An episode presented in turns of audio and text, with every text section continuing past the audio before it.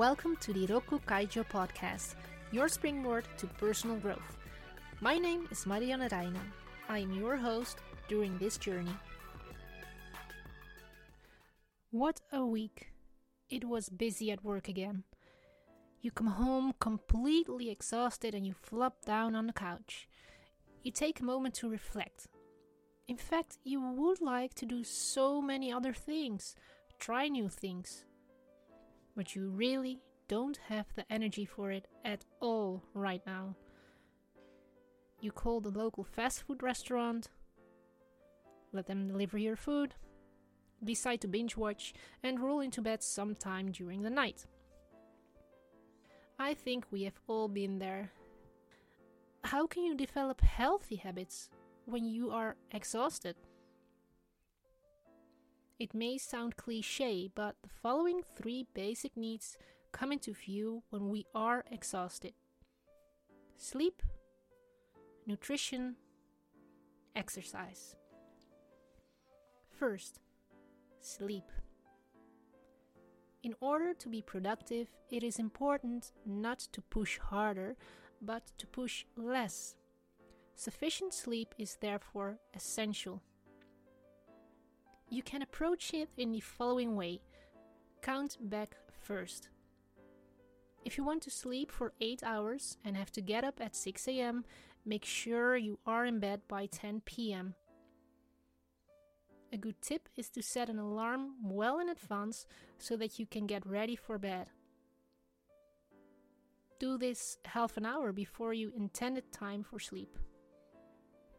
Once you've mastered this, it's time for the next step. Create a routine. For example, turn off all electronic equipment and dim the lights.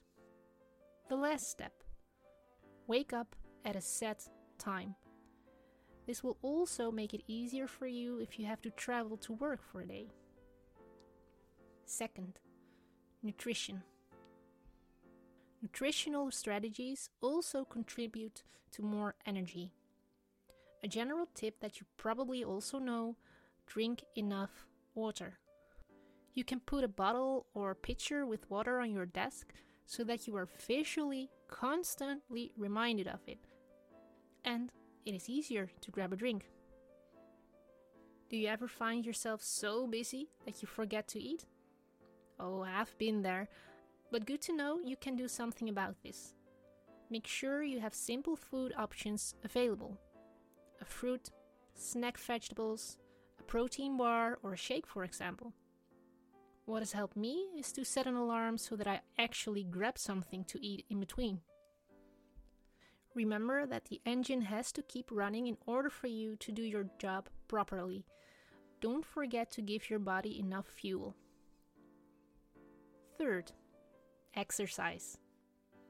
Half an hour of exercise is recommended by health organizations. The kind of exercise is different for everyone. Some benefit from running, others like to walk a lot, and others go completely nuts with weights. A recommendation agree on a few fixed moments with yourself to actually start moving. Are you in control of your sleep, nutrition, and exercise? Now that you basically have enough energy, there's time, space, and support to work on a new habit. Rokku Kaijo's weekly tip Exercise. Do you enjoy a walk every day? Are you always looking forward to that body pump class at the gym? Do you get all excited about running with some friends? Or do you like to throw weights? As said, it's different for everyone. Do what you enjoy most. Otherwise, you will make it difficult for yourself to build a routine. Next week, we'll zoom in on small habits at work that make the difference. You can have a great goal in mind, but how do you get there? Where is the base? At the beginning, with micro habits. I'd be happy to tell you more about that. Thanks for listening to the Rokku Kaijo podcast. Tune in every Thursday for a new episode. More information and the latest news can be found on the website rokku-kaijo.com.